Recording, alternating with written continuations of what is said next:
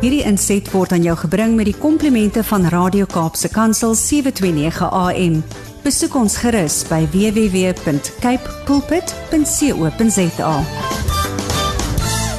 Ons weet hy gaan oor bome praat. Want en ons hou daarvan. Dis Rudy Nagel. Hy is 'n 'n man wat daarvan hou om dit wat hy uit die woord en uit die lewe leer saam met ons te deel hier op die radio op 'n maandagooggend. Môre is jy daar tussen die bome. Goeiemôre Rudy. Goeiemôre Brad. Ja, op hierdie menseregte dag is dit my voorreg om hier in Jack Miller Park tussen die bome te staan. En gewoonlik is daar heelwat ander mense ook hier, so maar mens kan sien die mense wat gewoonlik nou in die verkeer sou gesit het of agter hulle lesenaars of, of of by hulle verskillende kantore sou gewees het.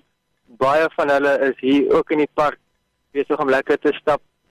Party van ons geniet die koelte van 'n boom en ander van ons is maar net te bly om bietjie buitekant te wees. You know Rudy, you couldn't ask for a better thing to talk about for the last number of weeks, a metaphor around a tree and what we read in the book of Jeremiah. Om so oor bome te praat en wat bome vir ons bring en al die metafore oor God en oor die lewe. Dis eintlik 'n pragtige idee van jou. Dis vir my so mooi.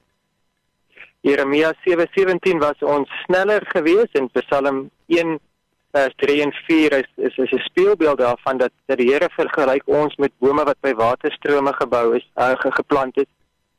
En ehm um, op hierdie menseregte dag uh, kan mens nou praat oor menseregte. Mens kan praat oor regte mense dat ons moet wees wie die Here ons gemaak het. Maar ons kan ook praat oor die regte prioriteite en ek wil praat oor twee prioriteite wat ek verkeerd het in my lewe. En die eerste een wil wil ek noem 'n plankprioriteit. Hmm want as die Here my sien as as 'n boom en hy sien my as iemand wat by waterstrome geplant is wat net by wortels moet laat sak en moet net moet ontvang al sy goedheid, al sy genade en dan dit wat hy vir my gee dan omgeskep word in lewe en in in vrugbaarheid. Dit is 'n natuurlike proses, dit is 'n proses van reageer op die Here wat ons eerste lief gehad het. Dan is dit wat die Here in gedagte het, maar ek maak myself baie keer ehm um, maak ek 'n fout en hierdie fout staan soos 'n paal bo water uit. dit is dat ek ek raak ek ek, ek raak so behept met die feit dat ek moet wees soos 'n signpost, soos 'n hmm. soos 'n padteken. En 'n padteken moet regop staan, 'n padteken moet verkieslik bietjie hoog wees en dan die padteken moet stewig wees en hy moet dan duidelik die rigting aan aandui. En dan dink ek dis belangrik dat ek vir mense die regte rigting moet aanwys en ek word word al hoe meer en meer behept met die feit dat my paal moet stewig staan of my paal moet bietjie langer word sodat dit bietjie sig meer sigbaar is van ver af. Hmm. Daai gedagte van reputasie of dat mense kan opkyk na na na mense toe en, en dit is die verkeerde prioriteit. En dit is nou wel nodig dat ons moet padteken sê, ons moet weet wat er, wat 'n kant toe te gaan. Maar as daai padteken 'n stuk eie waarde vind in die feit dat mense opkyk na hom. As daai padteken 'n stuk um waarde vind in die feit dat mense by hom rigting kry en en en dat mense na hom kyk vir leiding, dan is dit 'n verkeerde prioriteit. Dis nie wat die Here van my wil hê nie. En ek ek glo ek is nie die enigste een nie en ek wil niemand onder veroordeling bring nie, maar ek wil vir jou nooi om net so 'n bietjie te kyk of daardie plank prioriteit nie ook in jou teenwoordig is nie dat jy baie keer so die prioriteit maak dat jy moet vir mense wys watter kant toe jy hmm. moet 'n rigtingwyser wees jy moet vir hulle 'n aanduiding gee van hier is die pad loop daarin en dat dat ons beroem onsself daarop dat ons die pad akkuraat aandui ons beroem onsself daarop dat ons die pad duidelik aandui dat ons padteken is mooi duidelik gemerk en ons instruksies en ons aanwysings is mooi duidelik en verstaanbaar. En as iemand dan die aanwysings volg en, en iemand kom dan by sy bestemming aan, hmm. Dan vat ons vir onsself daardie die eer en ons sê ek het dit reg gedoen, ek het dit reg gekry. En en dit is nie dit is nie in die Here se beeld van 'n boom wat in genade groei en wat uit uit sy natuur uit vrug dra nie. Dit is dit staan soos 'n paal bo water die Here wil nie 'n paal prioriteit in in in my lewe toelaat nie. Die tweede verkeerde prioriteit wat ek op hierdie menseregte dag kan kan uh, uh, raak sien in my lewe en uh, elke keer as ek hierdie fout maak dan staan ek met met my naam met 'n plank want hmm. ek, ek ek kry dan 'n plank prioriteit in in in my lewe en ek dink dat ek kan iets bou soos soos wat 'n plank deel kan wees van boumateriaal.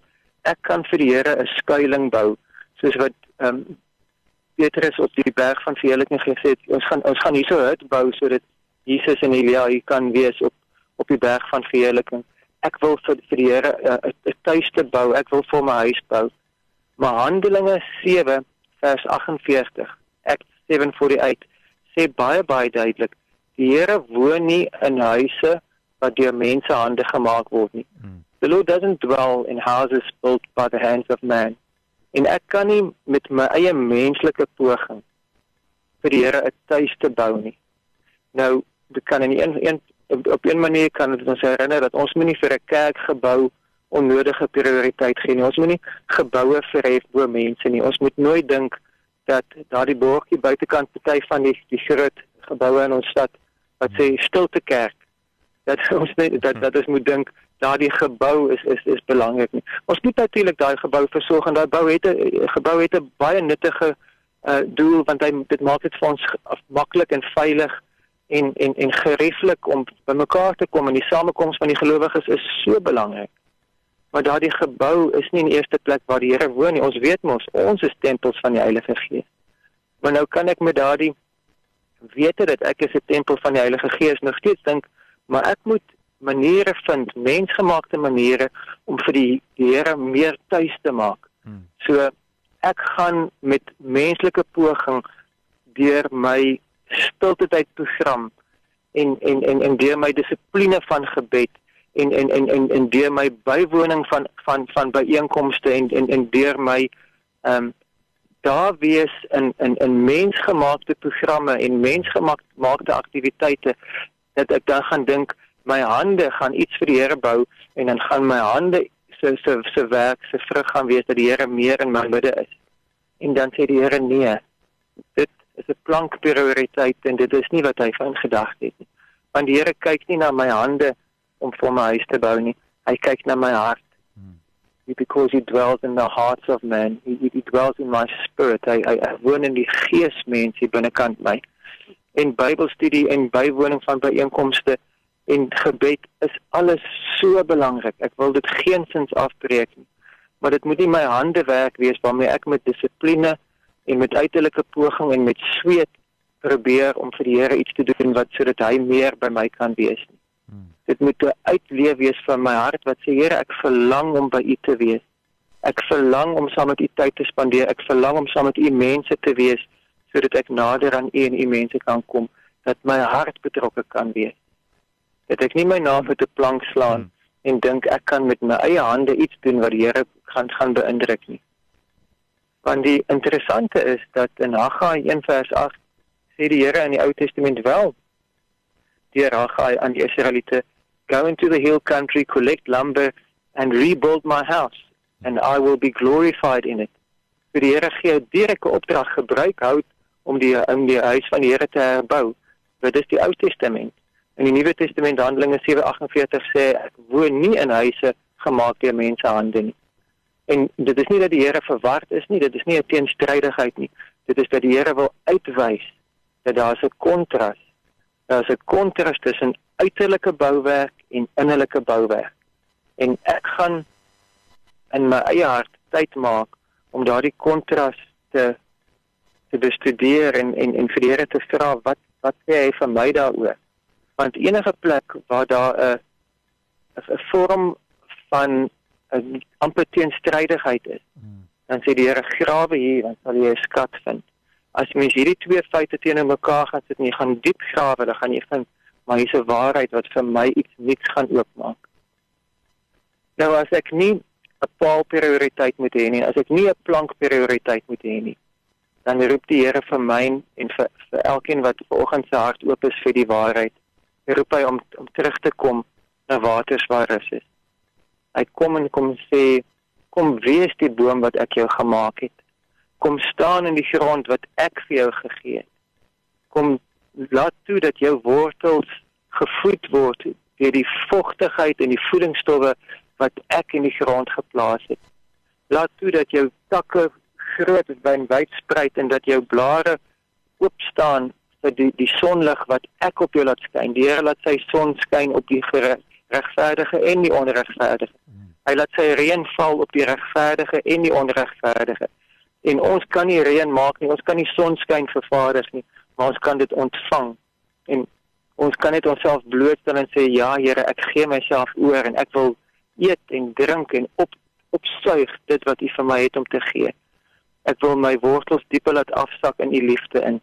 Ek wil my takke laat hoër op op op ry uitreik na U toe, nie in 'n poging om om iets te bou vir U nie, nie om iets nie in 'n poging om ander mense te, te probeer beïndruk soos wat 'n padteken aan 'n noodwendige aanwysing is. Maar dat ek net my hande op hy eers en sê Here, ek het U nodig en ek ontvang dit wat U vir my gee en dat daardie natuurlike bonatuurlike lewe wat die gees van God in my geplant het hmm. dat dit sal reageer want as die omstandighede daar is dan lewe 'n boom en dan groei 'n boom jy hoef nie 'n knoppie te druk nie jy hoef hom nie te programmeer nie jy hoef hom nie te manipuleer nie. Hy groei want hy is so gemaak dit is sy natuur dis wat die Here in hom geplant het. En ek wil as ons nou gaan saam bid hmm. wil ek net vir die Here vra dat hy my sal help dat ek nie sal bly staan by die paal prioriteit nie. Dat ek nie sal bly staan by die plank prioriteit nie maar dat ek sal oorgee aan sy goedheid en sal sê Here ek is u boom wat u geplant het en dat ek regtig net sal reageer op u liefde en dat ek minder sal probeer om in in my eie poging ander te beïndruk en meer sal sal oorgee dat U my kan vorm, dat U my kan voed, dat U my kan lewe gee. Kom ons maak ons harte oop. Ons vra vir Heilige Gees om met ons te praat en ons bid saam. Dankie Here. Dankie dat U die outeur van die lewe is. En dankie dat U in elke natuurlike boom wat hier buitekant in die natuur staan, lewe geplaas het. En dat U in elkeen van U skepings skepsels mense het u lewe geplaas en dat in elkeen van ons wat onsself oopgestel het vir die wederbarende werk van Jesus Christus het u bonatuurlike lewe geplaas en daardie lewe het die vermoë om te kan reageer op u liefde daardie lewe het die vermoë om te kan groei en dankie dat u alles wat ons nodig het everything we need for life and godliness you have given us Dankie dat U alles beskikbaar stel. Dat in die grond onder ons, in die lug rondom ons, in die lig bokant ons is alles wat ons nodig het om te kan groei. En ons wil vandag sê, Here, ons wil nie in ons eie poging probeer om met ons hande iets te vervaardig sodat U nader aan ons kan kom nie. Maar ons wil ons harte blootstel aan U. Ons wil ons harte beskikbaar stel en sê, ons harte behoort aan U en dat U ons harte sal kom voed met U liefde dat u gees deur sal kom waai deur ons gees dat u lig van liefde op ons sal skyn en dat dit ons sal voed met u energie sodat ons sal groei en wanneer ons dan groei en wanneer ons dan 'n pragtboom is 'n boom wat geplant is by waterstrome 'n boom wat groei en gedei en wat vrug dra Here dan sal ons 'n padwyser wees wat wys hierdie is die hierdie is die werk van Jesus. Hmm. Dit is hoe dit lyk as Jesus uh, in 'n menswerk. En dan sal ons 'n bouwerk wees van U en U sal dan in ons in ons midde woon.